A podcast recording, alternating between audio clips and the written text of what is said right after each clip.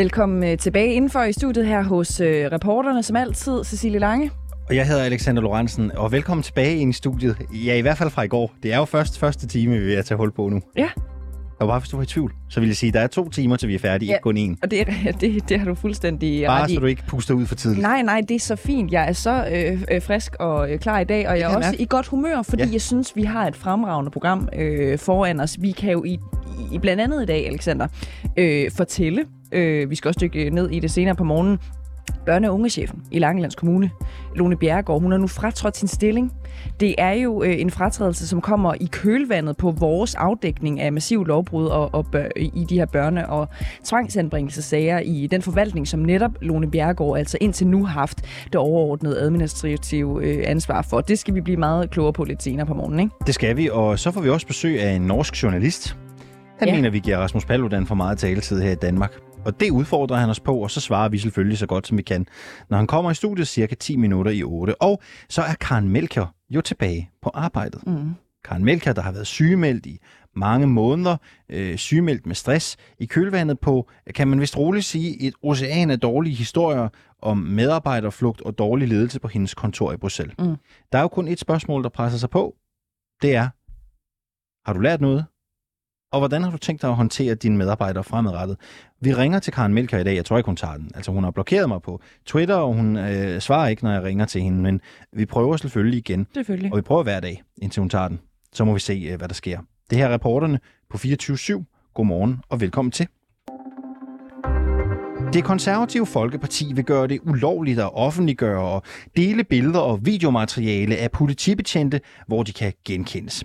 Altså billeder af ansigter, navne eller tjenestenumre på betjente. Og det skal sikre, at færre betjente bliver udsat for chikane og forfølgelser.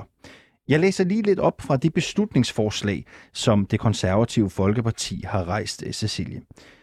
Folketinget pålægger regeringen inden udgangen af 2022 at fremsætte et lovforslag, der sikrer, at politibetjente i højere grad beskyttes og holdes anonyme i udførelsen af deres arbejde.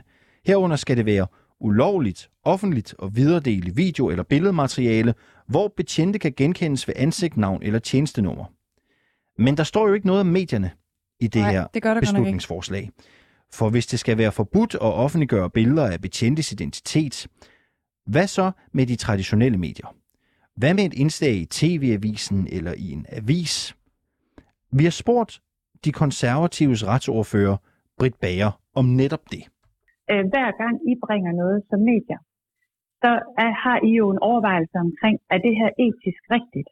Og det betyder også, at når DR eller TV2 eller Radio 24 øh, bringer noget, så har man jo nogle overvejelser omkring, hvad man bringer. Og hvis ikke man bringer noget, som er, øh, som er ansvarligt, så kan man også stille til ansvar for det. Så derfor skal medierne stadigvæk have lov til at bringe det. Hvad så, hvis der er tale om, lad os sige sådan et enkeltmandsmedie? Øh, Uwe Max Jensen eksempelvis, han driver jo et medie. Han har jo også, øh, ved nogen mene, politiske agendaer i forhold til at bringe, hvad han, hvad han gør. Øh, hvad så hvis nogle enkeltmandsmedier, enkeltmandsblogs, øh, må de godt øh, offentliggøre eller videredele øh, video- eller billedmateriale, de selv har lavet, hvor man kan genkende politibetjente? Det, der er skillelinjen her, det er, om man er underlagt medieansvarsloven eller ej. Hvis man er defineret som et medie, så må man gerne ja. Hvis man ikke er øh, defineret som et medie og ikke er underlagt medieansvarsloven, så må man ikke. Så nogen må, og nogen må ikke. Ja, altså jeg ved simpelthen ikke øh, lige præcis med Uwe Max Jensen, om han er underlagt medieansvarsloven eller ej. Men, men, øh, men det er det, der er øh, skillelinjen. Det er, om du sådan helt, din juridiske definition er, at du er et medie, og om du er underlagt medieansvarsloven. Og når det er det, der er afgørende, så er det jo fordi, at medie, altså med medieansvarsloven følger der et ansvar, der følger nogle rettigheder, men øh, der følger jo også øh, det øh, ekstra, den ekstra pligt, kan man sige, eller det ekstra ansvar, at du kan blive, øh, at du kan blive anklaget på en anden måde. Hvad nu, hvis man deler et klip, som kommer fra TV-avisen eller TV2-nyhederne på de sociale medier og skriver noget om en konkret betjent? Altså, du deler noget, som et medie har offentliggjort, men du skriver noget om en pågældende betjent. Hvad så? Hvis det er sådan, altså der- der er jo mange af de her ting, der må blive konkret fortolket, men hvis det er, man deler et, øh, noget, et, et, hvad hedder det, øh, et klip fra, fra DR eller TV2 eller 24 så det må man selvfølgelig gerne, fordi der sidder jo en redaktør bagved, som har øh, ligesom taget øh, taget ansvaret for det, hvis man gør det i fuld længde. Men klart, hvis man begynder at klippe i det, så er vi jo inde i noget, som, øh, hvor man så skal sløre identiteten på de her betjente. Så jeg, jeg, må, det, godt, det der, jeg, jeg må godt bringe et klip i fuld, i længde, fuld længde på de ja. sociale medier, men hvis jeg vil klippe et eller andet i det, så skal jeg sløre identiteten. Jamen, hvis det er sådan, at du begynder at forvrænge hele, øh, altså hvis du, hvis du laver et øjebliksbillede, i stedet for at vise hele episoden, det er, absolut, det er det, der er afgørende her. Vi vil simpelthen ikke have, at man Hvad hvis jeg klipper de 10 ud... første sekunder ud af et indslag, men som ikke handler om de pågældende betjente? Skal jeg så også sløre, altså griber jeg så også ind i den historie, der er blevet fortalt gennem medierne? Ved du hvad, det er jo meget svært for mig at sidde og, fortælle, og, spørge, og svare på det, fordi jeg, jeg ved faktisk ikke engang, hvad er det for en historie, du vil, altså hvad er det for nogle sekunder, du vil klippe ud? Ej, det er bare, jeg prøver bare at blive klar på, hvor sådan grænserne går, ikke?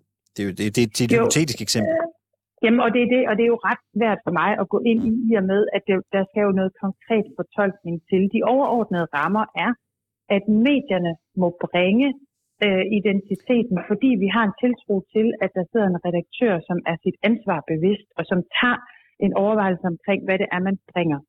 Det gør man ikke nødvendigvis på Facebook, for der er hver Facebook ejer jo redaktør, uden at være redaktør uddannet. Og der sidder altså nogle autonome typer, som, øh, som ikke vil politiet det bedste. Og, og i og med, at det er en udfordring for politiet det her, i og med, at vi gerne vil have i fremtiden et politi, der beskytter os og gør det attraktivt at være betjent. Og i og med, at vi i det konservative folkeparti i hvert fald på ingen måde vil have og acceptere, at betjente bliver hjemsendte, fordi de passer deres job, øhm, så kommer vi til at lave nogle, øh, vi kommer til at foreslå nogle retningslinjer om det her. Lad os prøve og så er det jo sådan, i... og det er faktisk, må jeg, lige, må jeg lige sige en enkelt ting her, for det er vigtigt for mig at slå fast. Det er jo ikke Folkedomstolen på Facebook, der skal dømme betjenten, om de gør noget rigtigt og forkert. Det har vi en politiklagemyndighed til, og øh, der kan man jo sende sin video ind, sit videomateriale ind, hvis det er sådan, at man mener, at der er en betjent, der har gjort noget, der er forkert. Hvis vi nu tager en konkret sag som Tibet-sagen, havde den nogensinde set dagens lys, hvis ikke de optagelser fra dengang kom med, hvor en betjent tager et tibetansk flag fra en demonstrant? Altså med andre ord, øh, risikerer vi ikke at begrave sager, som egentlig har offentlighedens interesse, fordi videomateriale eller lydoptagelser kun må kunne bruges bag lukkede døre? Jamen, den video vil jo gerne, vil jo sagtens have kunne blive bragt. Så har man bare sløret øh, betjentens ansigt. Der var jo stadigvæk været en sag. Om, om den betjents ansigt var kommet frem eller ej, det tror jeg da absolut ikke har noget som helst at betyde for, for Tibet. Så, så det er ikke væsentligt faktisk... at vide, hvilken konkret betjent, der har udført en handling, som muligvis er ulovlig? Altså, den øh, Tibet-sagen, der er den pågældende betjent, mig bekendt, overhovedet ikke blevet stillet til ansvar. Det er nogle overordnede op i øh, systemet. Så jeg synes faktisk, det eksempel, du giver her, lige præcis bekræfter, at det ikke har nogen som helst betydning, om betjentens ansigt bliver vist eller ej. I vil gerne have, at det skal være ulovligt at dele det her offentlige materiale, øh, hvor man kan genkende øh, betjente, øh, enten via ansigt eller via nummer. Øh, hvad skal straffen være, hvis man gør det? Det har vi simpelthen ikke taget stilling til, fordi der skal vi have Justitsministeriet ind over. Det, der er vigtigt for os, Hvad det synes er, du selv? at det bliver... Jamen, jamen, det ved jeg ikke, fordi jeg har faktisk bedt Justitsministeriet om at undersøge, hvad der vil være proportionelt. Hvad synes du kunne være en rimelig straf? Er det fængsel eller bøde? Ved du hvad, det er jeg simpelthen ikke klar over, fordi jeg er blevet nødt til, jeg bygger altid mit lovarbejde på analyser, og jeg bliver nødt til at have øh, det analysearbejde fra Justitsministeriet, før jeg lægger mig fast på noget som helst. Et gætværk for mig er jo fuldstændig ligegyldigt. Så du køber ikke helt præmissen om, at det her kan være med til at forringe borgernes retssikkerhed, øh, fordi du jo blandt andet mener, at man jo kan øh, levere videomateriale og lydbider til klageinstanser. Men i 2000, i 2020, der fik kun 9 ud af 710 medhold for klager over politiets adfærd ved den uafhængige politiklagemyndighed og advokater har været ude og decideret frarådet, at man klager over politiet. Kan du godt se, at det her forslag kan skabe en forringelse for borgernes retssikkerhed med de tal en mente? Nej, det kan jeg simpelthen ikke. Jeg har fuld tiltro til den uafhængige politiklagemyndighed, og jeg har set, at der er en enkelt advokat, der har været ude og sige, at øh, det er fuldstændig omsonst at, øh, at klage til dem. Så skal vi jo se indad øh, og se på, om der kunne være noget af det. Men jeg vil bare understrege, at jeg har fuld tillid til vores øh, politiklagemyndighed. Altså det må være sådan, at den retssikkerhed, som vi efterspørger som borgere, den skal vores betjente altså også have. Der er jo flere advokater, der... kritiserer det. Ikke? Der er jo flere advokater, der siger, at man bør måske ikke klage til den uafhængige politiklagemyndighed, fordi det kommer der ikke noget ud af. Det, men det, det gør altså ikke nogen selvfølgelig kommer, for dig. Selvfølgelig kommer der noget ud af det. Det kan du også se. Der er ni, der har fået med, medhold. Ud af 710? Det Jamen det kan jo også have noget at gøre med, hvem det er, der klager. Der er ballademager i det danske samfund. Der er folk, der har et meget, meget mærkeligt forhold til danske politi, og som ikke nødvendigvis ser på politiet som nogen, der beskytter os borgere. Lige en sidste ting, inden du løber. Øh, jeg har jo læst ja. jeres beslutningsforslag selvfølgelig. Og det, jeg hørte tydeligt sige i det her interview, er jo, at det her skal ligesom øh, modvirke, at betjente bliver udsat for chikane på de sociale mm. medier. Hvorfor skriver I egentlig ikke det i beslutningsforslaget? I skriver jo bare overordnet set, at det skal være forbudt, og, øh, eller det skal være ulovligt, skriver I, offentligt og videredele video eller billedmateriale, hvor politibetjente kan genkendes ved ansigt, navn eller tjenestenummer. Men der står jo ikke noget om, at medier godt må, og hvem der ikke må. Hvor, hvorfor præciserer I egentlig ikke det i det beslutningsforslag? Det, det er bare en undren. Ved du hvad, det kan også godt være, at det skulle have været skrevet anderledes. Det er jo sådan, at et beslutningsforslag, det er noget, vi sidder og laver, altså øh, mig og min, min medarbejder, og når så det skal kvalificeres det her, så bliver der lavet et lovforslag, hvor vi får hjælp fra Justitsministeriet. Så jeg vil ikke afvise, at det beslutningsforslag kunne have været skrevet anderledes. Og vi fortsætter med de konservatives forslag om, at politibetjente ikke må optages af civile borgere til sociale medier. Fordi Alexander, nu tænker vi skal prøve at finde ud af, om det egentlig overhovedet ville være i politiets bedste interesse, hvis folk ligesom ikke længere måtte filme dem øh, eller tage billeder af dem og lægge det op på sociale medier. Mm. Øh, fordi hvad med alle de billeder, alle de film og klip, der er gået viralt, øh, som der har været af politiet på for eksempel festivaler til gadefester, hvor de er blevet delt øh, flittigt, og hvor der er kommet en hel masse positiv omtale omtale af politiet. Har du tænkt sådan nogle gode billeder, sådan noget positivt? Lige præcis. Ja, ja, det, altså, det, sker jo, det sker hele tiden. Godt tænkt, ja. Øhm, der er blandt andet den her legendariske video med, øh, med to politibetjente, der ligesom sidder øh, på et kæmpe lydanlæg og kaster håndtegn på Roskilde Festival. Altså en rigtig boomeragtig, men også noget, mm. folket elsker det, altså når, når de lige gider at lege med. Ikke? Den ligger inde på YouTube, og der står blandt andet sådan her i nogle af kommentarerne, vi lige har kigget på. That is one cute cop right there, and cool udråbstegn. Mm. Så er det en, der bare skriver class. Så er det en, der skriver haha, god stil. Så er det en, der skriver The epicness is really epic. Så er der nogen, der skriver Roskilde Cops are the world's best cops. Mm-hmm. Altså, Ja, ja, det er god PR. Hvad er, hvad, what is not to like for at blive ja, i, i den der, ikke? Øhm, og jeg tænker da også, at det næsten ville være synd, hvis den her slags materiale blev fjernet, altså også hvis, altså, for politiets eget bedste, ikke? Mm. Hvad er der så egentlig tilbage af politiets folkelig, øh, folkelighed? Ja. Vi skal nu høre fra øh, vores gode kollega, Mathias Stilling, som tog øh, turen til øh, Tornby for lige at tale med øh, den konservative folketingskandidat og politibetjent i København, Allan Beyer, for ligesom at høre, om det ikke vil være ærgerligt at fjerne al den her positive omtale af netop politiet. Yeah,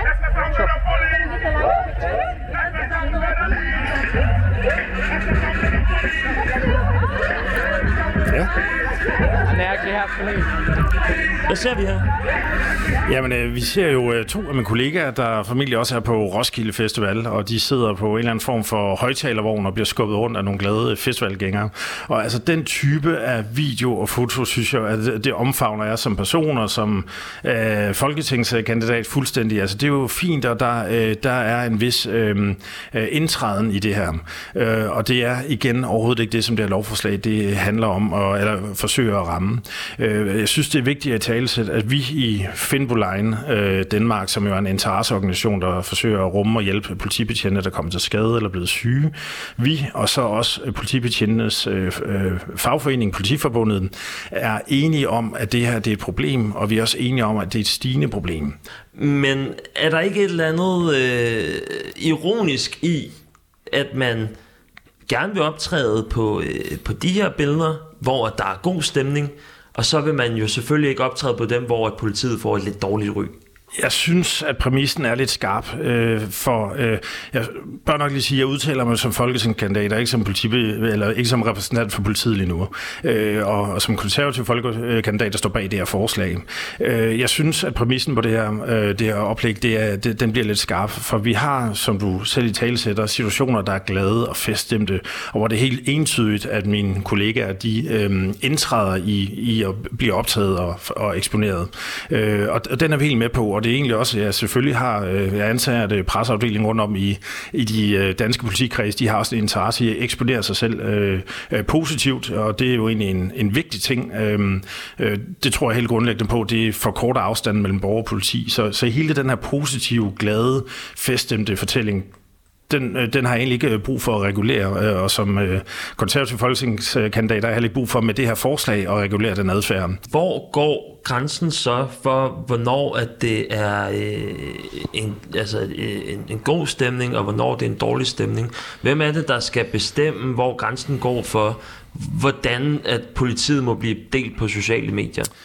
Ja, altså hvis du spørger mig om min personlige holdning, så vil det jo give mening, at det er et accept, man indhenter, ligesom øh, det inden for øh, god adfærd og lignende øh, er accept, man, man indhenter. Som når altså, man hylder politiet og øh, deler altså, videoer, hvor de spiller ja, ølbowling på Roskilde Festival. Eller hvis jeg, tog, hvis jeg efter det, den her samtale tog en selfie af dig og mig, så ville det være helt naturligt, at jeg lige spørger dig, inden jeg smider det på min egen Facebook, om det er okay, jeg deler det. Altså er du okay med, at det, det bliver delt? Det vil være sådan en god adfærd. Og det, det tror jeg egentlig godt, man kan forplante over i det her lovforslag. Altså hvis man tager et billede af en politibetjent, øh, så øh, beder man om accepten, før man eksponerer det, og, og, og så vil jeg givetvis sige, at det ikke er en overtrædelse af det her lovforslag. Generelt så øh, er øh, kommentarsporet på Facebook jo øh, det, man måske kunne kalde for folkedomstolen, altså det vil sige, at det er sådan følelser og holdninger, og det er altid noget, som reagerer på den video, der bliver lagt op, og der kan vi se, og det er sådan baseret på erfaringer indtil nu, at, øh, at videoerne fortæller ikke den hele sandhed. Der er altid sådan noget, der øh, går forud og, og efter de her, de her eksponeringssituationer. Så, så det at forholde sig til de her videoer alene, og så ligesom drage en konklusion på det, det vil sjældent, om end ikke alt eller aldrig, øh, sådan give den hele sandhed. Og der har vi jo altså modpolet, og det er Duben, øh, som jo laver en grundig efterforskning, afhører alle vidner og implicerede parter, og indhenter også ekstern overvågning, altså eksempelvis hvis der er overvågning fra et butik, hvor det er det er foregået, eller hvad det måtte være. Og så, øh, så danner det jo grundlag for en, subjekt, eller en, øh, en objektiv, savlig og faglig vurdering. Og øh, som et retssamfund, og som et samfund, der sådan ligesom rummer øh, regler og myndigheder, så må vi jo næsten antage, at sådan en undersøgelse og efterforskning øh, klarlægger sandheden. Men vi skal af med folkedomstolen.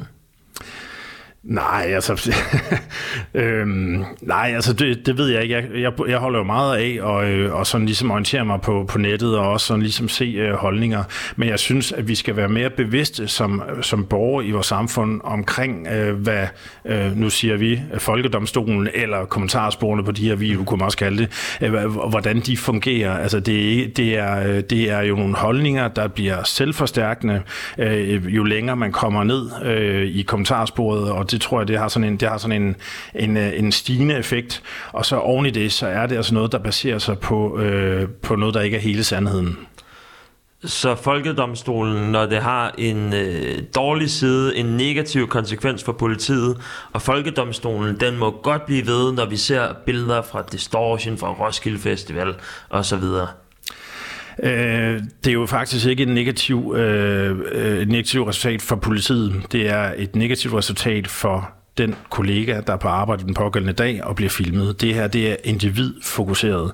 Politiet som organisation og som arbejdsgiver øh, hen, altså, forholder sig jo til, øh, til Dubens øh, afgørelse og øh, forholder sig så i øvrigt ikke til nogen som helst andre ting. Og det er også sådan, det skal være som arbejdsgiver og organisation.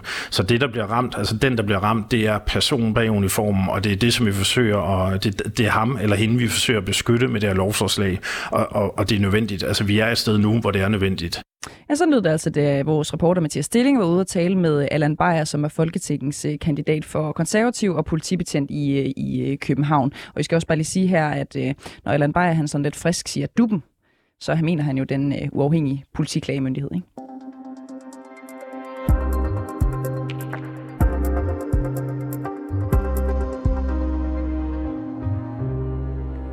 Børne- og ungechefen i Langeland Kommune, Lone Bjergård, har fratrådt sin stilling. Det blev besluttet på et lukket møde i Langeland Kommunes økonomiudvalg og kommunalbestyrelsen efterfølgende tirsdag aften. Og fratrædelsen kommer blandt andet i kølvandet på reporterne og 24-7's afdækning af massiv lovbrud i børne- og tvangsanbringelsesager i den forvaltning, som Lone Bjergård altså indtil nu har haft det overordnede administrative ansvar for. Øh, godmorgen, Anna Munk Godmorgen, Alexander. Du er med her til morgen, og det er dig, der har været med til at dække sagerne i Langeland Kommune. Er Lone Bjergård blevet fyret, eller har hun fratrådt sin stilling? Det er et rigtig godt spørgsmål. Øhm, det vi ved om, øh, om hendes øh, fratrædelse, som, som øh, de officielt øh, kalder det i Langeland Kommune, det er, at øh, Janne Lis Hansen, som er kommunaldirektør, onsdag meldte ud til sin ansatte, at Lone Bjergård stopper i oktober. Øhm, men øh, det har ikke været muligt for mig at tale med borgmester Tony Hansen, men til Fyn Amtsavis, der siger han, at øh, han vil ikke komme nærmere ind på, hvem der tog initiativet til den her fratrædelse. Så hvad ved vi om øh, begrundelsen for, at Lone Bjergård nu pludselig fratræder sin stilling?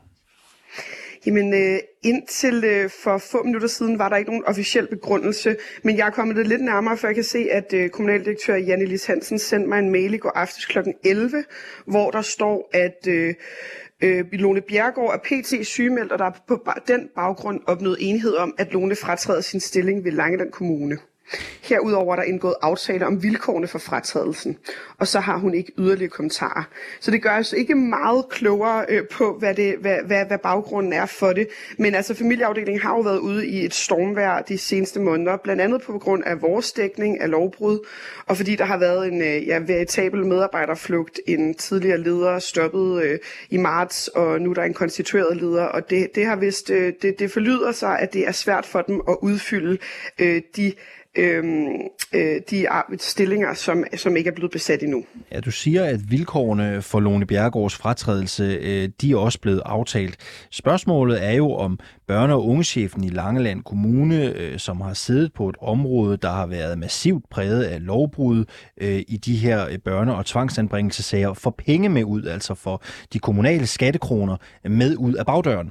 Ved vi noget om det? Ja, altså øh, jeg har i går søgt agtindsigt i den fratrædelsesaftale, der er, og der har, den har jeg desværre ikke fået svar på endnu. Men Tony Hansen siger, at øh, til, til Fyns Amtsavis, der siger han, at det ikke kommer til at koste dem noget særligt. Altså det vil sige, der er ikke nogen øh, økonomiske øh, store udlæg i den forbindelse, hvad end det så betyder. Han vil ikke gå i detaljer med det, men det er det, han i hvert fald har sagt til Fyns Amtsavis. Kan du ikke prøve at folde ud for os, hvor central Lone Bjerregård har været i de sager om lovbrud, som vi har afdækket her på kanalen? Jo, altså Lone Bjergård har jo været central på den måde, at hun som, som, øh, som den øverste administrative chef har haft ansvaret for det forvaltningen øh, har, har gjort. Men man kan også sige, at hun har jo været meget central på den måde, at i Christinas sag, som vi dækkede, Christina Nielsens sag, der øh, var det jo øh, hende som chef, der begik to øh, lovbrud, øh, hvor hun overtrådte GDPR-lovgivningen. Og det gjorde hun ved at videregive fortrolige oplysninger til en nabo i Christinas familiesag. Og på den måde kan man sige, og der i, i den forbindelse, der, der blev hun meldt af Langland Kommune selv til datatilsynet. Og det er også der, hvor, hvor øh, vi, fik, øh, vi fik adgang til en fortrolig mail, hvor Tony Hansen, borgmesteren, erkender, at chefen har begået lovbrud, og der er sket lovbrud i den sag, der endte med at blive lukket. Så på den måde har hun været central, fordi at man kan sige, det er den eneste sag, som forvaltningen faktisk har på en eller anden måde erkendt, at der er sket lovbrud i. Vi har jo her på reporterne i et interview den 22. marts konfronteret borgmester Tony Hansen med det lovbrud, som Lone Bjergård selv begik i en børnesag. Lad os lige prøve at høre her, hvad han sagde øh, dengang. Vil du mene, det skulle have konsekvenser, hvis børne- og ungechefen i en forvaltning bryder GDPR-lovgivningen i en børnesag? Så øh, vil det naturligvis øh, stikkomme, der bliver afholdt en samtale med, med chefen. Kan I have en børne- og ungechef i Langland Kommune, der selv bryder lovgivningen i børnesager? Det er jo igen sådan lige på grænsen, når du, når du beder mig om at forholde mig til min egen chef offentligt, og jeg har sagt flere gange, at jeg ikke vil drøfte personale øh, offentligt i radioen. Så lad os tage det hypotetisk. Så, så, så du, undskyld. Kan man, synes du som borgmester, at en børne- og ungechef kan bryde lovgivningen i en børnesag, uden det har konsekvenser? Nej, altså som jeg sagde tidligere, så øh, afsted kommer det naturligvis en øh, samtale med pågældendes leder. Øh, det, det er helt naturligt, ja. Men er, kan man fortsat have tillid til den chef? Ah, nu er det jo ikke en nulfejlskultur, man, øh, man kører i en kommune, så der er jo i, i de fleste organisationer, også i en kommune som Langeland Kommune, så, så er det selvfølgelig muligt for, at man begår fejl, uden at man øh, ryger ud lige på stedet, hvis det var det, du mente. Ja, der er ikke tale om en nulfejlskultur i Langelands Kommune, siger borgmesteren her. Øh, har du haft mulighed for at spørge Tony Hansen, om hans holdning har ændret sig, siden Lone Bjergård nu fratræder? Nej, øh, borgmester Tony Hansen har ikke øh, vendt tilbage på min henvendelse. Men jeg, jeg synes, det er værd at bemærke, at det interview, vi lige spillede, det blev sendt den 22. marts, og da jeg har forsøgt at få en kommentar fra Lone Bjerregaard den 24. marts, der fik jeg et autosvar om, at hun var fraværende, og hun har været sygemeldt siden da.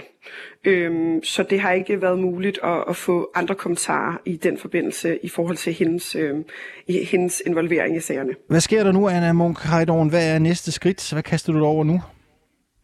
Jamen, øh, vi bliver ved med at kigge på Langelands Kommune. Der er sket ja, flere lovbrud i de sager, vi allerede har dækket, som vi, naturligvis fortsætter med at afdække. Og så øh, kigger vi også nærmere i næste uge på Ankestyrelsen og hvilken, øh, hvilken rolle øh, det spiller for, øh, for forældrenes retssikkerhed. Det sagde Anna Munk Heidorn, journalist her på 24 Tak fordi du var med. Tusind tak. Og vi forsøger selvfølgelig fortsat at få en kommentar fra kommunaldirektør Janne Lis Hansen og kommunalbestyrelsens øvrige medlemmer i Langeland Kommune.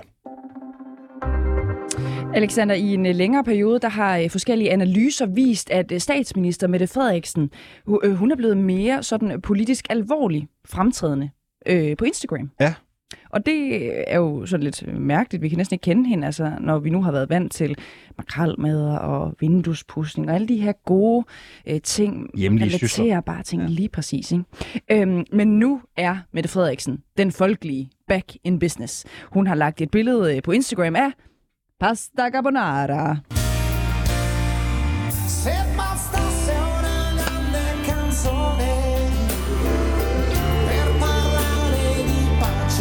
Oh. Ah, lad den lige køre det. Okay.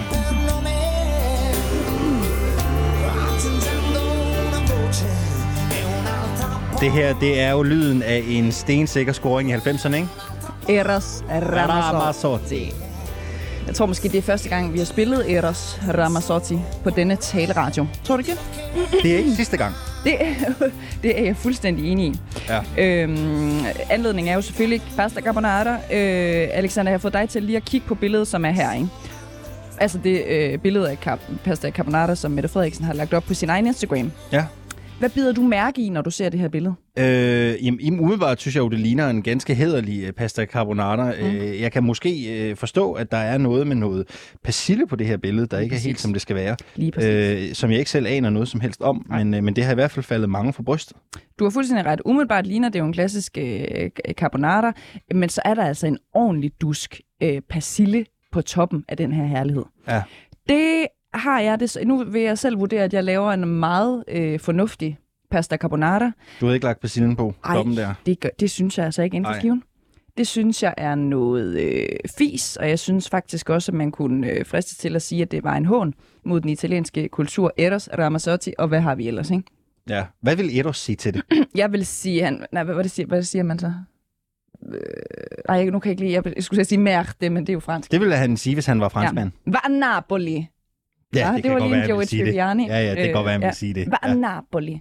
Øhm, jeg tror ikke, han vil, jeg tror ikke, han vil godkende. Og jeg er sådan set også tilbøjelig til heller ikke selv at godkende. Jeg synes, Ej. det er noget fis. Okay. Men spørgsmålet er, om jeg har ret. Øhm, fordi som sagt, jeg synes, jeg laver en god carbonara af selv. Det er jo klart, der er også nogle gængse regler. Ingen fløde. Det er en stor misforståelse, der skal fløde i en carbonara. Det skal der ikke. Er det det i hendes, tror du? Det tror jeg. Ja. Øh, æg selvfølgelig, spæ, øh, spæk eller pancetta, bacon kan man øh, bruge, hvis man ikke lige har øh, andet. ikke. Og så vand fra spaghettien, altså pastavandet, skal der i en øh, carbonara. Ja. Der skal ikke persille. Der skal simpelthen ikke persille i. Mm. Lad os prøve at finde ud af, hvem der har ret. Er det mig og Eros, eller er det øh, Mette Frederiksen? Øhm, jeg tænker, at vi prøver at ringe til den øh, danske afdeling i den verdensomspændende italienske kulturforening. Øh, Dante Alighieri. Anede ikke, den eksisterede. Dante Alighieri. Nej, Men jeg kan Ines. se, der er en præsidente. Si. Han hedder Ib Larsen. Ib Larsen. Mathias Stilling, gider du ringe op til Ib? Skal vi spille et Eros Salama Sorti for ham? Du kunne da godt lige skrue lidt op for den. Skal det? Ja, bare en lille smule. Lige? Ja, lad mig sige.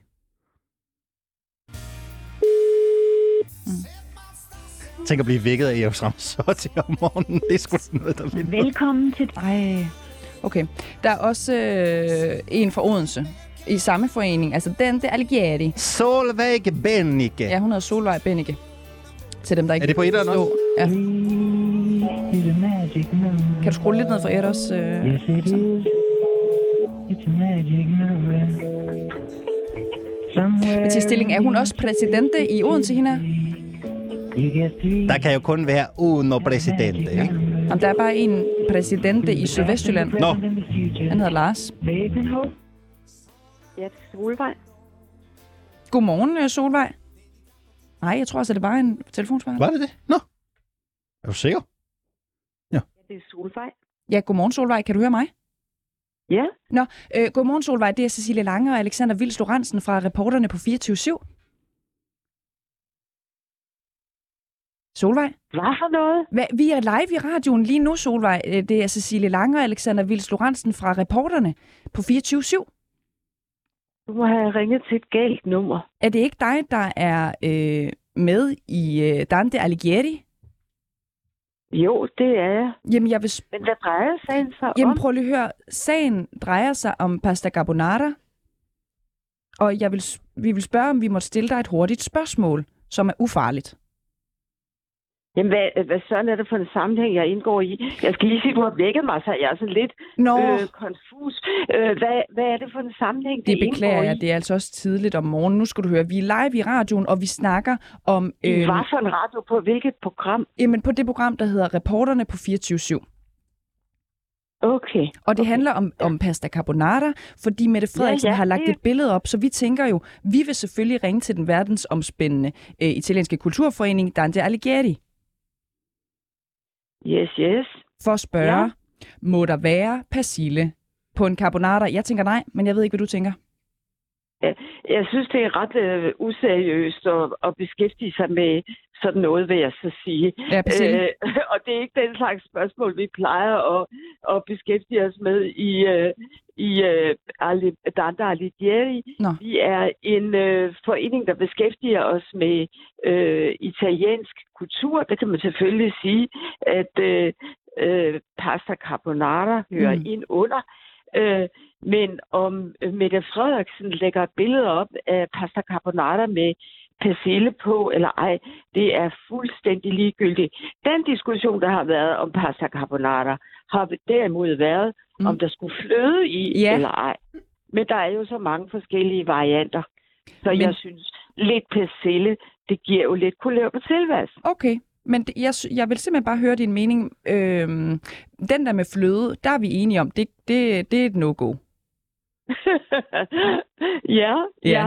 Jamen, jeg er enig. Øh, jeg har en italiensk ven, som putter øh, oregano i pasta carbonara. Det har jeg Og også hvis fået man før. ligesom øh, omsatte det til danske forhold, så kunne det jo godt være persille. Det er Ja. jo den urt, som vi har adgang til hele året, kan Det man er sige. selvfølgelig rigtigt. Så har vi overført det lidt til danske forhold. Okay. Ja. Nå, vi skulle simpelthen bare lige prøve at teste, om Mette Ja. Frederiksen hun var helt øh, uden for skiven, eller om øh, hun sådan set kunne have fat i Hun, et eller andet. hun kan putte præcis den urt på sin carbonara, som hun vil. Og det er ikke et politisk svar, jeg giver dig nu. Nej, det kan jeg forstå. Ved du hvad, tusind tak, fordi vi måtte ringe til dig, Solvej, og, og have en rigtig dejlig dag. Og vi lader Mette Frederiksen slippe for den her omgang, ikke? Ja, det synes jeg, vi skal. Og undskyld, vi vækkede Hej. dig. Ja, ja. hej, hej. Hej igen, Solvej. Er Det endte Alexander, jo er godt er du sammen okay? til sidst. Ja, du må ja, lige ja. forlade. Ja, jeg måtte lige, Du må lige jeg måtte forlade, lige forlade et øjeblik. Øh, mikrofonen. Jeg, jeg, var, jeg var ikke helt overbevist om... Jeg troede faktisk for et øjeblik, vi var ved at skabe en dansk-italiensk diplomatisk krise her. Ja. Men det var vi heldigvis ikke. Ja. Jeg synes, øh, hun svarede godt for os. Det synes jeg også. Det var, Jeg synes faktisk også, hun har en fin pointe. Altså, man kan jo godt plukke lidt Ja. fra dansk kultur. Persille, der findes ikke noget mere dansk end persille som krydderurt. Solvej ved for øvrigt meget om det. Øh, Hun er jo også øh, lektor på øh, Odense øh, Katedralskole. Hun er gymnasielærer, ikke? Øh, Jeg antager, at hun underviser i italiensk. Øh, det kunne jeg ja. i hvert fald øh, forestille mig. Ja. Jeg ved det ikke, men det tænker jeg da, hun, øh, hun sagtens... Øh, hun sagtens skulle gøre, ja. Silje. Mette Frederiksen øh, slipper for den her omgang, men vi er alle sammen enige om, der skal ikke flyde i pasta carbonara. Øh, Berlingske Medias øh, administrerende direktør Anders Krab Johansen har potentielt brudt persondataloven i forbindelse med, at han har hyret et firma til at undersøge medarbejdere og andre mediepersoners ageren på sociale medier. Det vurderer en lektor i digital forvaltning ved Københavns Universitet, Hanne Marie Motsfeldt, øh, og det har hun sagt til os herinde på øh, 24-7. Øh, mere konkret så har Anders Krab Johansen jo bestilt en rapport, der skulle kortlægge, hvordan chefredaktørerne for henholdsvis Berlingske, Weekendavisen og BT ytrede sig i forbindelse med MeToo-debatten. Det skrev Frihedsbadet for øh, uger tilbage, og den her kortlægning er så sket i kølvandet på hele Michael Dyrby-sagen. I går der hørte vi fra vores øh, kollegaer på 24-7-programmet Babylon øh, et interview med netop Hanne-Marie Motsfeldt, der også er ekspert i databeskyttelse. Og hun forklarede, hvordan og hvorfor der kan være tale om et lovbrud i den her sag. Og så sagde hun altså, at det handler om, hvad der præcis er årsagen til den her kortlægning. Og det kan hun simpelthen ikke finde et godt nok bud på i den her kortlægning? kan simpelthen starte med at lave en compliance-vurdering, før de overhovedet begynder at indsamle de her personoplysninger. Så skal de gå ind og vurdere, jamen, hvordan kan vi overholde reglerne? Og der er jeg selvfølgelig lidt forundret over den her sag, fordi der er i hvert fald nogle af de regler, som de skulle være gået igennem i den her compliance-vurdering, hvor jeg sådan tænker, jeg, jeg kan ikke se det. Nej, så lød det altså fra Hanne-Marie øh, Motsfeldt øh, en kras kritik altså af Anders Krab øh, Johansen, øh, Johansen. Og hvad siger han så til det hele? Jo, han afviser kritikken. Han skriver et svar til os her på rapporterne. Rapporten er udarbejdet og behandlet inden for rammerne af GDPR, og det er blevet vurderet at husets juridiske ansvarlige. Rapportens formål var at give et overblik over MeToo, mediedækning i Danmark, hvor i husets egne medier indgår. En 29-årig mand fra huliganmiljøet omkring fodboldklubben Brøndby IF er i øjeblikket i retten, hvor han er tiltalt for intet mindre end 47 seksuelle overgreb begået mod 15 forskellige ofre. Ifølge anklageskriftet var de fleste ofre drenge eller unge mænd, da overgrebene fandt sted, og i tre tilfælde var de højst 14 år, altså under den seksuelle lavalder. Manden er anklaget for voldtægt og vold begået mod offrene, og flere af de forurettede er kommet i det samme fan- og huliganmiljø som den anklagede. Døgnrapporten på 24-7 har haft reporter Michel Færk med fra retten i Glostrup, efter manden afgav sin egen forklaring på relationen til de her drenge og unge mænd. Han har så stiftet noget, der hedder Brøndbys øh, Hårde Drenge, som er den her uofficielle hooligan-fanklub. Øh, som han selv har øh, stiftet? Brøndbys, ja, den har han selv ligesom været med til at få øh, stablet øh, på benene. Og det er igennem den her øh, BHD, Brøndbys Hårde Drenge, at han møder en del af de her, som så er forurettet eller som har anmeldt ham. Så møder han også nogle lidt mere perifært i det her fanmiljø. Nogle har han kendt siden de var 10 år gamle. Nogle lærer han først at kende, da de er ældre. Men det kredser sig om det her hooligan- og fanmiljø. Øh, og så øh, siger han jo, at han har haft kærlighedsrelationer til en del af de øh, forurettede. Jeg tror, det er omkring fem, han erkender at have haft øh, samleje med, hvor han så påstår, at det har været øh, helt frivilligt. Han har ikke tvunget dem til noget, han har ikke udøvet vold. Han har også haft en øh, kvindelig kæreste, imens han også har haft de her øh, mandlige relationer. Altså på et tidspunkt ser det ud, som om han har haft omkring fire til fem øh, sådan kæresteagtige relationer, øh, hvor at de så øh, alle sammen er med i det her anklageskrift. Altså alle sammen øh, mener, de er øh, altså har været tvunget til at have sex øh, med ham. Men Michelle, nu siger øh, men, du kærlighedsforhold. Er det ikke børn, ja. vi taler om? Jamen, han mener selv, at det har været kærlighedsrelation. Det er ikke alle sammen børn. Der Nej. er mm. øh, indtil videre øh, tre, der er mindre år, imens øh, de skulle have haft øh, samleje sammen. Og de andre er så altså unge drenge, ikke? altså under 18 år. Men han mener, og nogle af dem har været 10 år ældre, mens de har haft de her relationer. Det bliver der selvfølgelig også stillet spørgsmålstegn til anklageren. Altså, er du nu helt sikker på, at det her det har været øh, gengældt, altså med den her aldersforskel? Øh, han har for eksempel været 16, de her... eller de har været 16, og han har været 26 for eksempel for eksempel. Mm. Ja. Øh, hvor han siger, jamen det har det, og vi havde masser at snakke om, og det var også, vi hang også ud, og vi gik til fester sammen, og var vi en del af det her miljø sammen, og så en gang imellem, så havde vi så også sex sammen. Så har han jo blevet spurgt ind til, hvor ofte havde I det? Jamen, nogle gange to-tre gange, men altså, det vil han ikke rigtig svare på det der. Grunden til, det er interessant, er jo fordi, at nogle af de her forhold, der står der jo, at han har udøvet, øh, altså har voldtaget dem to til tre gange om ugen over en længere periode. Øhm, resten af de øh, forurettede nægter, han har haft noget seksuelt med, men at han også kender dem gennem det her miljø, og nogle af dem har han været venner med. Og så er der en del af dem, han også mener ligesom at have lært at kende igennem kampsport, f.eks. thai-boksning, som er noget, han dyrker rigtig meget, særligt i forbindelse med de her sportskampe, som de kalder det, som de afholder i de her huliganmiljøer, hvor de tager ud og banker hinanden i en skov eller sådan noget. Så sportskampe, det har ikke noget med sport at gøre, det er bare nogen, der tager ud og slås? Ja, i forbindelse mm. med fodboldkampe, ikke? Altså de her sådan uofficielt arrangerede, men de kalder det sportskampe, åbenbart har jeg lært mm. øh, i retten her de her dage. Og så forklarer han jo, at altså, så, så er det det her med de skiftende forklaringer, fordi under grundlovsforhøret, så har han jo faktisk sagt det, der blev, der blev læst op for nogle af de her øh, afhøringer, han har været til politiet. Og der siger han flere gange, at øh, han ikke har haft noget seksuelt samkvem med nogle af dem her, han som nu siger, han har haft seksuelt øh, samkvem med. Øh, og så siger han, at det må være en tastefejl, eller de har misforstået, hvad jeg sagde, eller sådan noget i den retning. Hmm.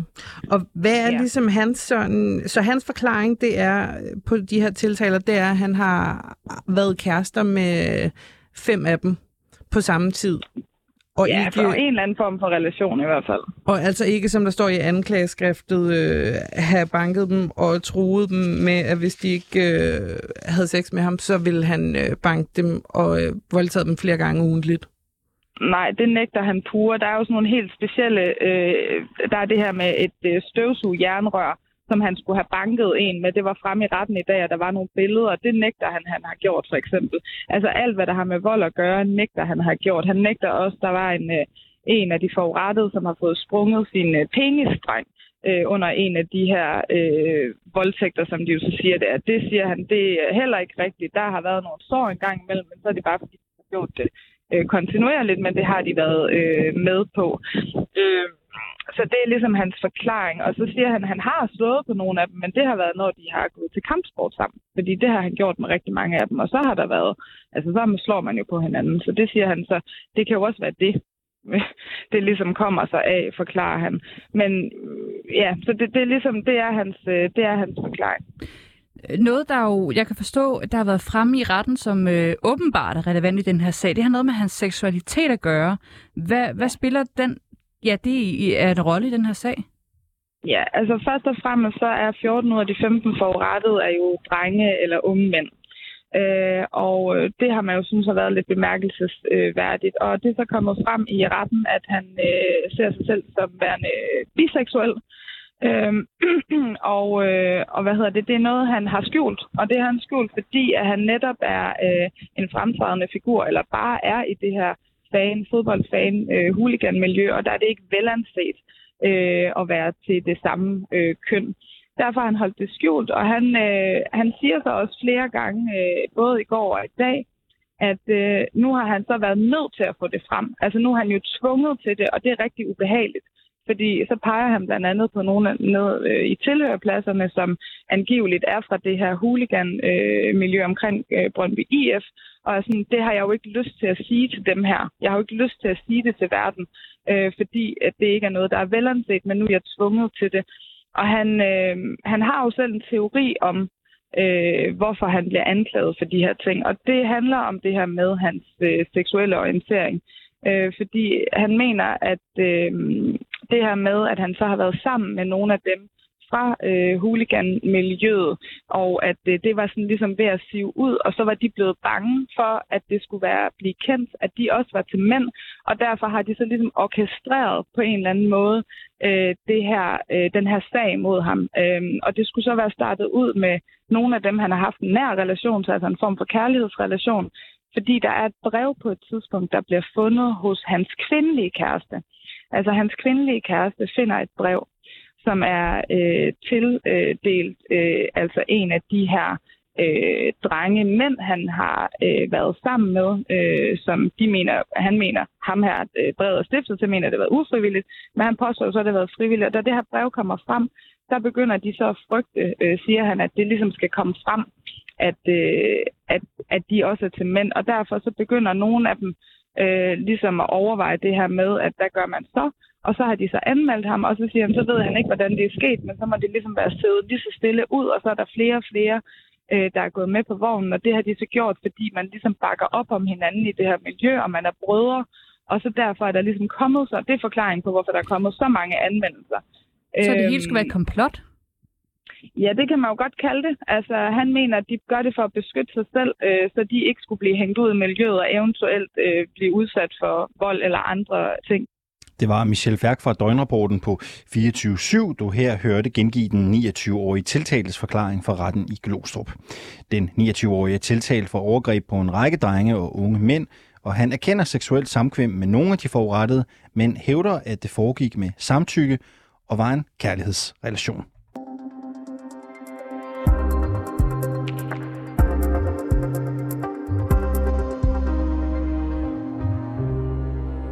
Det er journalisterne, som giver Rasmus Paludan magt. Det skriver forfatter og journalist Øjvind Bordal i et debatindlæg i Politiken. Paludan øh, brændte en koran af igen ved Tornby på øh, Amager i april måned, og der var simpelthen ingen demonstranter til stede, men til gengæld så var der et stort medie- og politiopbud, kan man altså læse i debatindlægget. 24-7 var også til stede ved øh, den her demonstration. Det var vores kollega Alexander, kulturprogrammet Ringdal og og Christensen, som var øh, til stede. Mm. Øhm, og vi må også bare erkende, at vi her på, på, på øh, programmet har haft Rasmus Paludan på besøg en del gange. Ja. Med andre ord, så mener Øjvind øh, Bordal vel også, at vi her på kanalen er med til at give Rasmus Paludan magt, og derfor har vi også inviteret dig til en øh, omgang efterkritik, kunne man måske øh, kalde det, Øjvind øh, Bordal. Velkommen til programmet. Jo, tak. Hvordan giver vi her på 24-7 Paludan magt? Altså, journalister er jo gatekeepers for den offentlige samtale, øh, og det er et stort ansvar, øh, som vi har som journalister. Uh, og det foregår jo hele tiden en, eh, en kamp uh, om at dominere den, den offentlige samtale, og hvad skal vi sige, definere, hvad det er, vi skal tale om. Og det har jo en stor betydning for beslutningstagere politisk, også i den sidste ende. Uh, Så hvem er det, vi ophøjer til orakler? Hvem er det, vi, vi spørger til råds? Hvem er det, vi, vi giver plads på den store uh, også skal vi sige, ølkasse, hvor vi alle sammen får lov til at tale? Mm. Øh, det er et stort ansvar. Øh, og hvis vi gør det til et, et simpelt freakshow, som det jo er tale om her, så er det at svigte, synes jeg, sin opgave som, øh, som journalist. Mm. Kan du ikke prøve konkret at beskrive, hvordan øh, dækning af Paludan, det at man giver ham mikrofonen, giver ham taletid for eksempel, hænger direkte sammen med, at han får magt? Jamen, hvis, hvis, man, hvis man har taletid i offentligheden, så har man også magt. Altså, der, der sidder jo højt betalte PR-folk og forsøger ligesom at få øh, folk på banen, øh, der har et budskab, øh, og ingen af dem øh, ser ud til at lykkes lige så godt som Rasmus Paludan. Og det er jo lidt fordi, at, øh, at vi elsker og vi elsker drama, og medierne er jo også kommersielle aktører, som gerne vil have kliks og lyttere. Og Rasmus Paludan er jo netop en figur, som, øh, som er leveringsdygtig i, i drama og sensationer, og gør det til et freakshow, og, og det øh, ser vi jo nu, hvordan at en del af medierne løber efter det, uden egentlig at have nogen her. Altså, hvad er det, man vil? Hvad er det, han, Du- hvad, er det, han har på Du hjertet? kalder Paludan en figur, og du kalder det et freakshow. Synes du, Rasmus Paludan er en freak? Uh, ja, i sin, i, i sin offentlige fremtræden, ja, helt Hvordan? bestemt. Altså, det er jo en, en, en, en, en tilsyneladende for mig at se øh, en, en narcissistisk, eh, øh, hvad skal vi sige, tilfredsstillelse. Han får ved at stå der omgivet af, af, af 50 øh, eh, bevæbnede politimænd og en kadrende journalister rundt om sig. Fordi hvad, hvad er det, altså, hvad, hvad er budskabet andet end at, at, at, at sætte verden i brand? Altså, og det er jo det, en, en helt, en, et helt andet aspekt er jo, at det rent faktisk er farligt. Det står vi jo under Mohammed-krisen. Mener du, at Paludan overhovedet skulle have taltid? Altså, han har jo talt til som alle andre, hvis han har noget på hjertet. Altså, det er ikke fordi, Jamen, skulle vi lukke for øh, mikrofonerne? Skulle han slet ikke have lov til at ytre sig med de budskaber, han nogle gange kommer? Men altså, der, der, må, der må foreligge en eller anden form for, for begrundelse øh, for at slippe ham til, og den kan jeg ikke få øje på. Altså, og, og den vil jeg så gerne spørge jer om. Hvor er den henne? Lad os lige prøve at dykke ned i nogle konkrete eksempler, fordi her på programmet Reporterne har vi også interviewet Paludan, øh, blandt andet om hans ambitioner i svensk politik. Øh, lad os lige prøve at høre et kort øh, uddrag af, hvad han fortæller os her. Det nære samarbejde mellem Sverige og Danmark øh, gør jo, at øh, vi allerede bliver i Danmark rigtig, rigtig påvirket af, hvordan forholdene er i Sverige. Vi kunne se, at der var nogen, der tog over for bandekriminelle, der tog over og myrdede nogen i Herlev for et par år siden, og der var en, der blev skudt, en såkaldt svensker, som havde et meget arabisk navn af en svensker, øh, blev skudt og dræbt på Vesterbrogade her for en, en, en tre uger siden. Så der er jo meget grænseoverskridende kriminalitet, som også er en stor fare for danskere. Så derfor kan man sige, at det er jo ikke kun svenskere, jeg kan hjælpe ved at komme i rigsdagen i Stockholm, det er sådan set også danskere. Det var bare et eksempel, vi hørte her, Øjvind. Er det i sig selv kritisk, at vi bruger øh, Paludan i et indslag som det her, for eksempel i forbindelse med, at han stiller op til rigsdagen? Ja, det mener jeg bestemt, fordi selve emnet, øh, altså vi har jo alvorlige vanskeligheder med, med kriminalitet, og, og, og det er også den vis grad forbundet med, med, med dele af det islamiske miljø også. Øh, det er jo ikke nogen hemmelighed. Og det er, der, det er der et emne, man kunne tale om, men måske kunne man finde en, der var, havde lidt mere begavede be, løsningsforslag til, til det problem. Hvem vurderer det egentlig? Hvem der er begavet nok til at sige noget? Ja, men det er jo netop det, der er en journalistisk opgave at finde ud af. Synes, jeg synes du, det er journalisters opgave at vurdere, hvem der er begavet nok til at få taletid? Ja, det er det jo åbenbart, fordi vi er jo, det er jo nogen, der, får slippe, der slipper til, og nogen, der ikke slipper til. Det Hvis er du, jo, du er journalist også, ikke? Ja. Hvordan vil du vurdere, hvem der er begavet nok til at få taletid? øh, dem, der ved noget om det for det første. Hvordan vil du vurdere det? Jamen, så vil jeg jo øh, se på, så vil jeg jo se på, hvem der har en position og en baggrund og en ekspertviden om Så emnet. eksperter, høj position, baggrundsviden, de kan få taletid, Ja. andre kan ikke. Og, og eller, altså, der ligger jo en vurdering til, til, til grund for det uansett. I har jo valgt at, at sætte Rasmus Paludan til, og der må være en grund til det. Men, men, men Ja, Paludan, altså- Paludan udtaler sig i det her konkrete interview, fordi han vil stille op til rigsdagen. Ja. Det vil sige, at det her det er en holdning. Øh, Paludans holdning, det er noget, du kan abonnere på, det er noget, du kan stemme ind i den svenske rigsdag. Han er på valg, ligesom mange andre politikere er. Så skal han vel også høres? Ja, det skal han også. Men når, vi, når, når jeg, når min, min kæreste og mig kom kørende forbi ude i Tornby, så så vi altså et syn, øh, der mindede om den amerikanske præsident, eller paven var kommet til Tornby. Altså, der stod øh, 50 bevæbnede betjente, der stod en kødrende af journalister og fjernsynskamera og ventede på at komme i audiens hos Rasmus Paludan. Det er der ikke nogen andre, øh, så vidt jeg kan se overhovedet, hverken politikere eller meningsdannere, der får den position, som han har fået. Men kan og du- hvorfor er det, han får det? Men- Altså, hvorfor er det, han får det? Men prøv, prøv at se det på den her måde. Paludan stillede op til valg i Danmark. 1,8 procent af stemmerne fik han. Han var et my fra at komme i det danske folketing. Paludan får 2 millioner kroner om året i partistøtte. Det er penge, som vi alle sammen er med til at sende ned i Paludans lommer. Derfor er der vel også en interesse for at få indsigt i, hvad er det blandt andet vores penge går til, når vi alle sammen er med til at finansiere det, Paludan laver. Det er vel også en journalistisk væsentlighed. Jamen, det, det er jo bytte om på årsag og virkning. Hvorfor er det, han får 1,8 procent af stemmerne? Det er da fordi, at han er leveringsdygtig i sensationelle påstande, som journalisterne øh, Det er der mange politikere, der er. hovedløst regner efter. Det er der mange politikere, der er. Ja, og det er jo netop øh, en journalistisk opgave på en eller anden måde at sørge for lidt substans og, og, øh, og gå efter nogen, der har øh, hvad skal vi sige, et synspunkt i sig selv, der er noget værd, og ikke en personlighed, der byder på hvad skal vi sige, drama og sensationelle påstande. Så alt, hvad der hedder øh, populisme, som jo er en hverdag i politik og sensationer, det burde pressen slet ikke beskæftige sig med. Der burde være en vis form for kritisk sans, og det ser vi jo hos nogle af medierne. Altså, der er jo en forskel på, altså mediebranchen har jo er jo differentieret. Vi har jo nogle medier, der faktisk er i stand til at lave den differentiering, og det er jo øh, dem, som jeg godt kan lide at lytte Hvem er det? til. Ja, det er Zetland for eksempel, for at nævne et eksempel. Vi har jo øh, mainstream media, som Weekendavisen her i huset faktisk også. Vi har jo medier som Berlingske Tiden i Jyllandsposten, hvor der findes en vis form for... Så de laver ikke sensationel øh, journalistik? Ikke på samme omfang, som det I gør, nej. Alright, vi tror ikke, vi når mere, øh, desværre. Vi kunne have snakket øh, 20 minutter længere det er om det her. Det er super interessant. Øjvind Bordal, tak fordi du var med her til morgen. Selv tak. Forfatter og journalist. Og vi spørger også her til morgen, hvad mener du? Er det medierne, der giver Paludan unødig opmærksomhed, eller er det de voldsomme reaktioner på hans øh, koranafbrændinger, der er med til at holde fortællingen om ham øh, i gang? Skriv til os på Facebook, eller så kan du sende os en sms 92 45 99 45.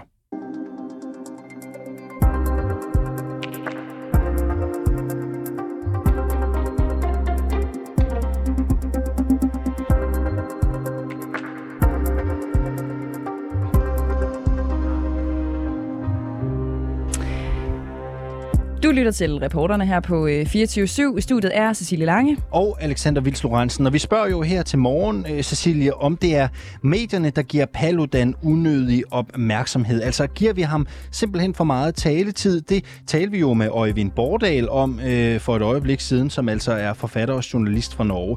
Lad os Øh, vi har lige også prøve på Facebook. at, ja, ja, ja. Skal vi lige prøve at starte med, Alexander, at læse nogle af de Facebook-kommentarer op, vi har fået øh, allerede. I hopper selvfølgelig også bare ind og skriver en, en kommentar, hvis I har lyst til det. Øhm, der er en Bente, som skriver, øh, nej, næ, det er der mere de forfærdelige optøjer, der kommer efterfølgende, hvor de går efter politiet. Christian skriver, medierne fortæller blot om, hvad der sker. Lod folk være med at hoppe på limpinden og reagere som primitive voldsamøber, så ville der intet være at fortælle om. Så er der en, der hedder Christa, som skriver, man kan da slukke, sappe, som øh, det vist hedder i dag, frit land, eget valg.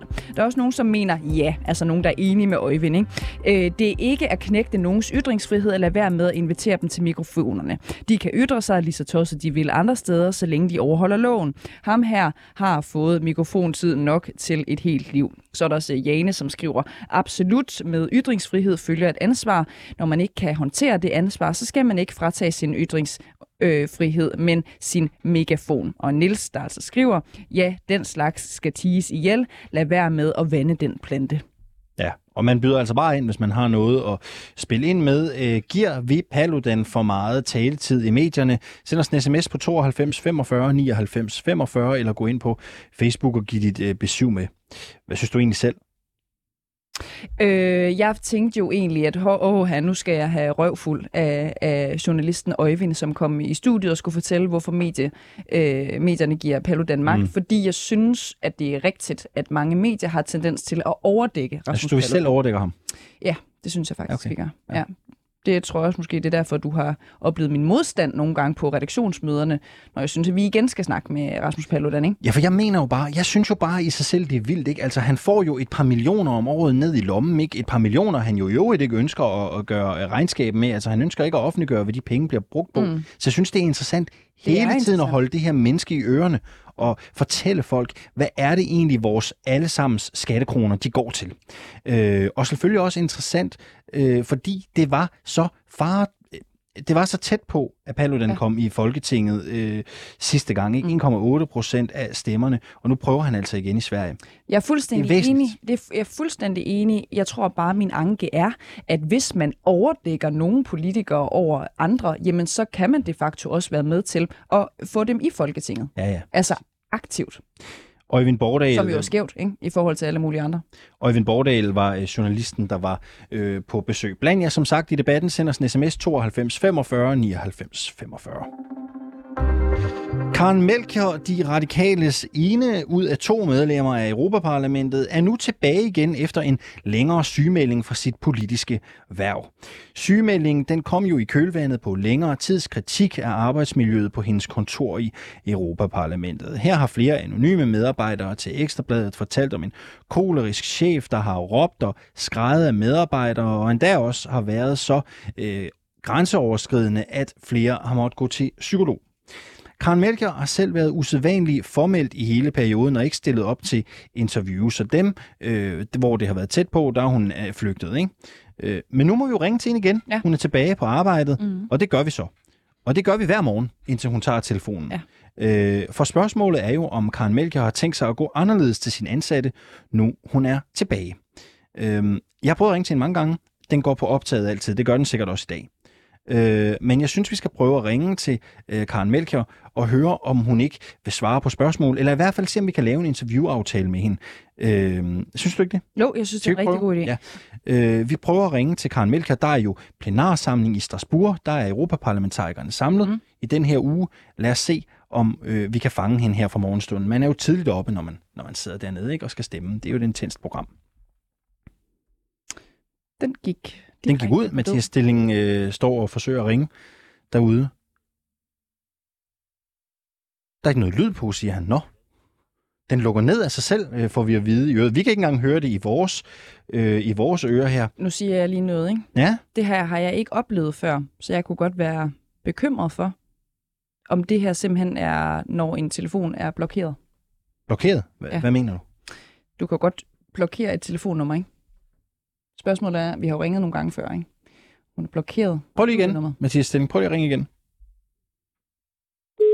Så. Okay, Nu er der hul igennem. Så skal jeg også lige skrue ned for konspirationsteorierne, ikke? Den blev lagt på. Den blev lagt på. Simpelthen. Prøv igen. Prøv en gang mere. og se, om der bliver taget et telefon. Nu, Nu er der, er nogen, der ringer til os nu. Bare på... Øh, Er, hvilken en er det på? Toren eller etteren? det er på etteren. Det er det nummer. Jeg tror, det er Karen. Ja, Godmorgen. Er det Karen Melker? Hallo? Der skulle være en telefon igennem. Karen Mælker, er det dig? Karen Melker. Blablabla. Karen Melker, kan du høre Der også? er et eller andet galt, enten med teknikken eller med telefonen. Prøv du lige at flytte lige at tage den over på telefonen. Jamen, jeg har åbnet for toren. Øh, Godmorgen, Karen Mælker. Nej. Der blev lagt på. Øh, skal jeg prøve igen? Den sidste gang? Lad os prøve igen. På etteren, Mathias Stilling. Prøv at ringe til Karen Mælker igen. Se om telefonen bliver svaret.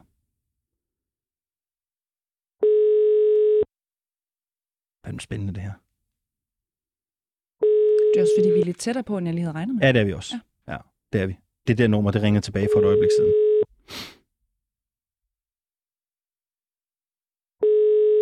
Men det bliver ikke svaret nu.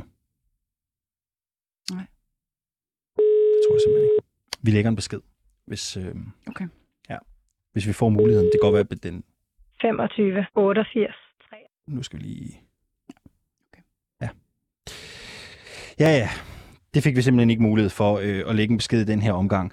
Øhm, hvad siger tiden? Kan vi nå at ringe videre? Kan vi nå det, eller er vi ved at løbe tør for tid, Mathias Stilling? Kan vi nå at ringe videre?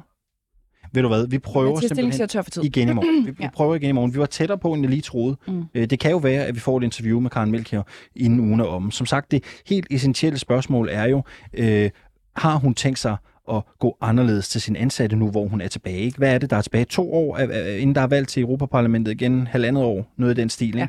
Så det er jo lang tid.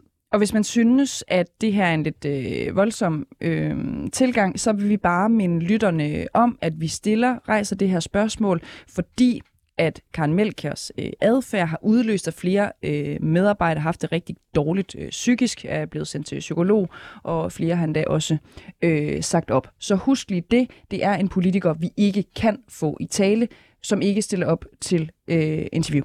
Og det er jo også interessant for at have at gøre med en politiker, som flere gange fra flere talerstoler har talt om, at vi jo selvfølgelig skal værne og passe på minoriteter og minoriteters rettigheder.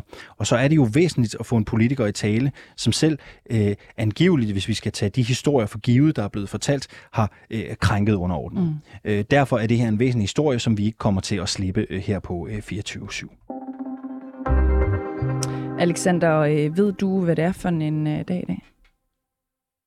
Øh, det er torsdag. Det er Medina-dag.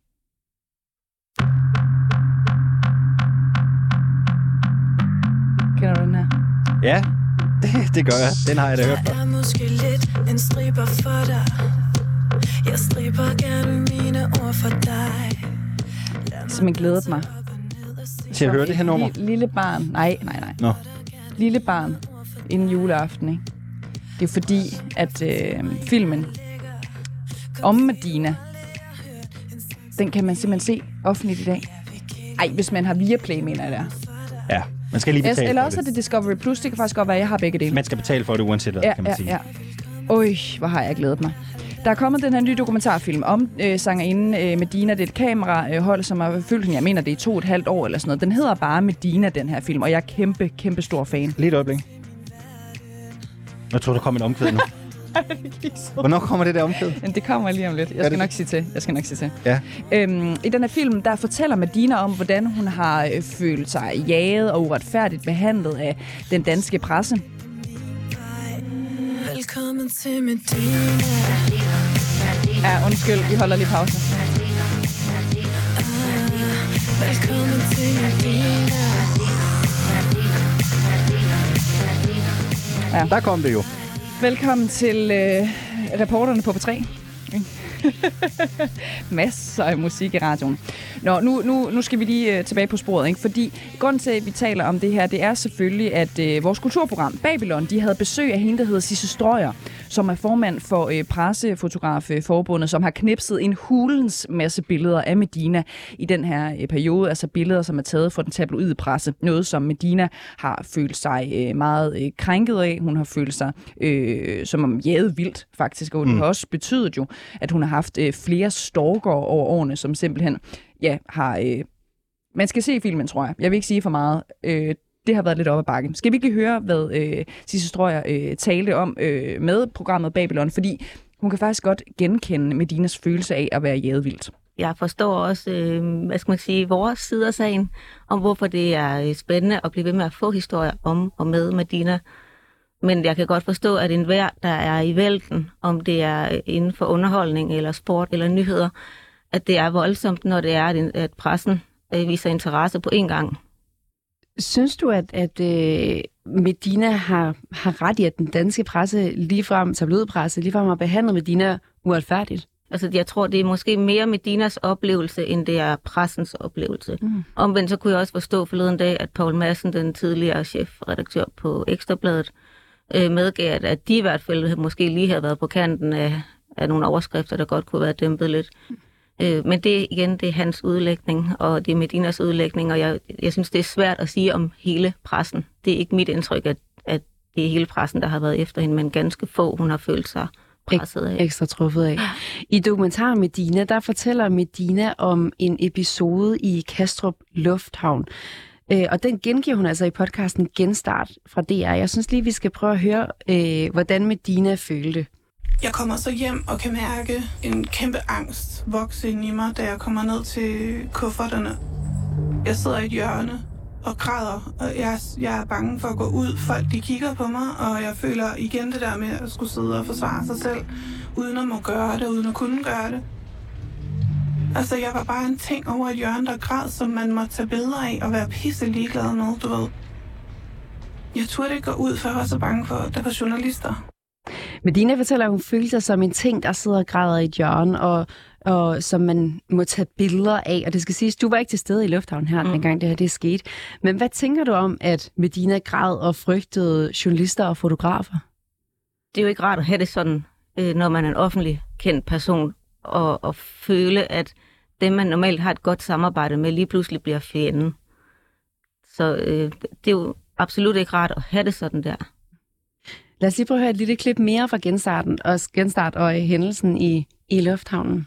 En af fotograferne tog kameraet ned og så meget, meget skamfuld og ked af det ud og kiggede mig i øjnene og sagde, undskyld, jeg er her. Det her vir- jeg skammer mig over at være her. Det, hun beskriver her, det her med en fotograf, der, der ligesom på en eller anden måde får sagt undskyld for at, at være her. Er det et usædvanligt scenarie for pressefotografer? Ja, det må jeg sige, det er. Det er ikke et, du har hørt om som sådan øh, Nej, ofte? det er det absolut ikke. Synes du, at, at nogle af fotograferne er gået for langt i dækningen af, af Medina? Jeg har jo ikke været der, og jeg, jeg har ikke øh, været i den situation selv.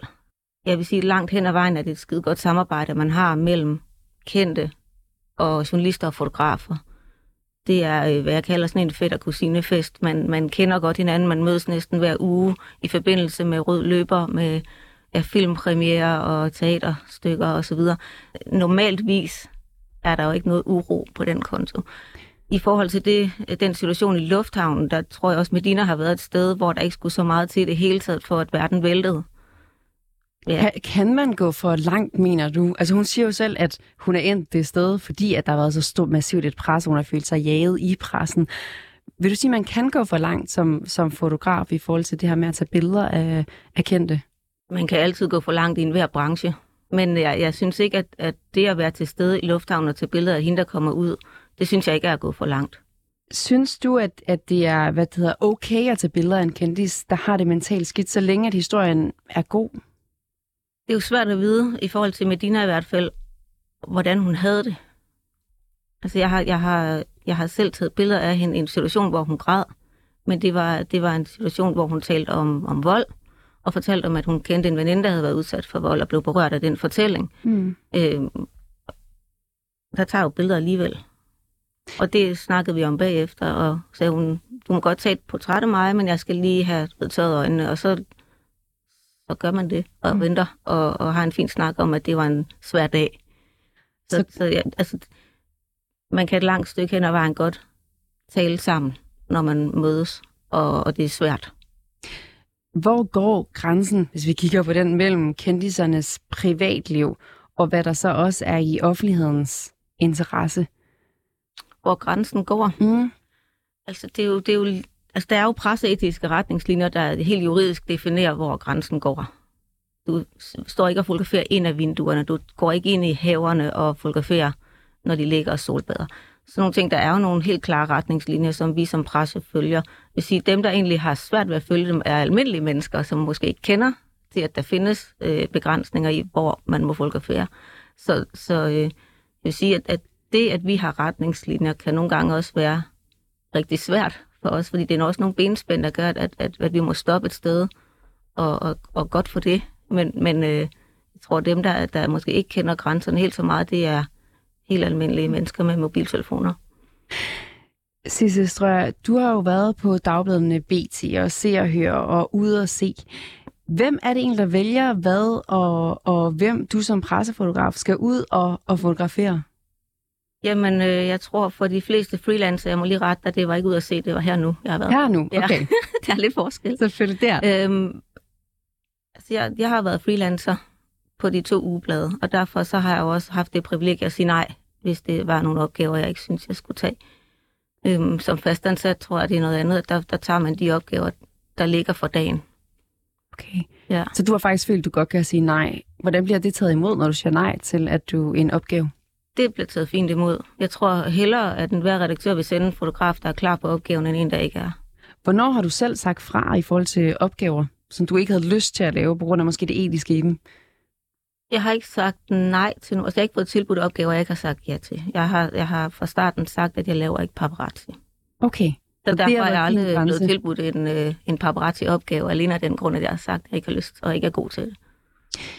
Hvordan er det som øh, pressefotograf øh, fotografer blive sendt ud til opgaver, hvor du simpelthen kan mærke, at du som pressefotograf trænger dig på, eller, eller ikke er velkommen? Har du erfaring med det? Ja, det har jeg erfaring med. Det tror jeg næsten alle fotografer har. Øh, specielt omkring de historier, der ikke er sådan rigtig sjov for den, det handler om. Om det er Bjarne Ries, der øh, bliver anklaget for doping, øh, eller øh, øh, Per Christensen fra 3F, der bliver afsløret i at have et dobbeltliv. Og der er nogle historier, hvor privatliv og det offentlige rolle smelter sammen, og hvor man må ud og dække det, fordi det har offentlighedens interesse. Øhm, og der ved man godt, at, at der står de jo ikke nødvendigvis med åbne arme og, og siger velkommen og kom indenfor. Øh, men det, synes jeg, er en del af det job, man har, at, at øh, lige så vel som man oftest bliver inviteret indenfor og, og, og har det rigtig fint med, med de kilder, man er, så er der også indimellem historier, de svære historier, som, som gør, at der må man forberede sig på, at man nok skal diskutere lidt. Har du øh, et eksempel på, hvor du har aftalt med en kendt, øh, at du skulle tage nogle billeder, i, og det var okay i første omgang, men så fandt de ud af, at de ikke alligevel ville have taget billeder af sig? Nej, det har mere været, øh, at man løbet ind i dem, eller de har været et sted, hvor man siger, hov, der står de med og kysser, må jeg lige sige hej. Og så siger de nogle gange, nej, det kommer ikke dig ved. Og så når man så minder dem om, at de står i mediebyen i baren på Roskilde Festival, som jo er mediernes arbejdsplads, og kysser, så er det måske ikke, fordi det er så super hemmeligt alligevel, og så er det okay. Så. Hvem var det, der først sagde nej her, der stod og kyssede i mediebyen? Ja, det har jo, altså, det er der jo mange, der har, men, men, men for eksempel med Dina og Christoffer, da de var kærester, ikke? At de gik over og hej, og spurgte mig om at tage et billede, og præsenterede mig, hvor jeg kom fra, og det var sådan lidt, ej, det har vi ikke lige lyst til, nu står vi lige og slapper af. Så, men altså, I står, I står midt i vores arbejdsplads for pokker.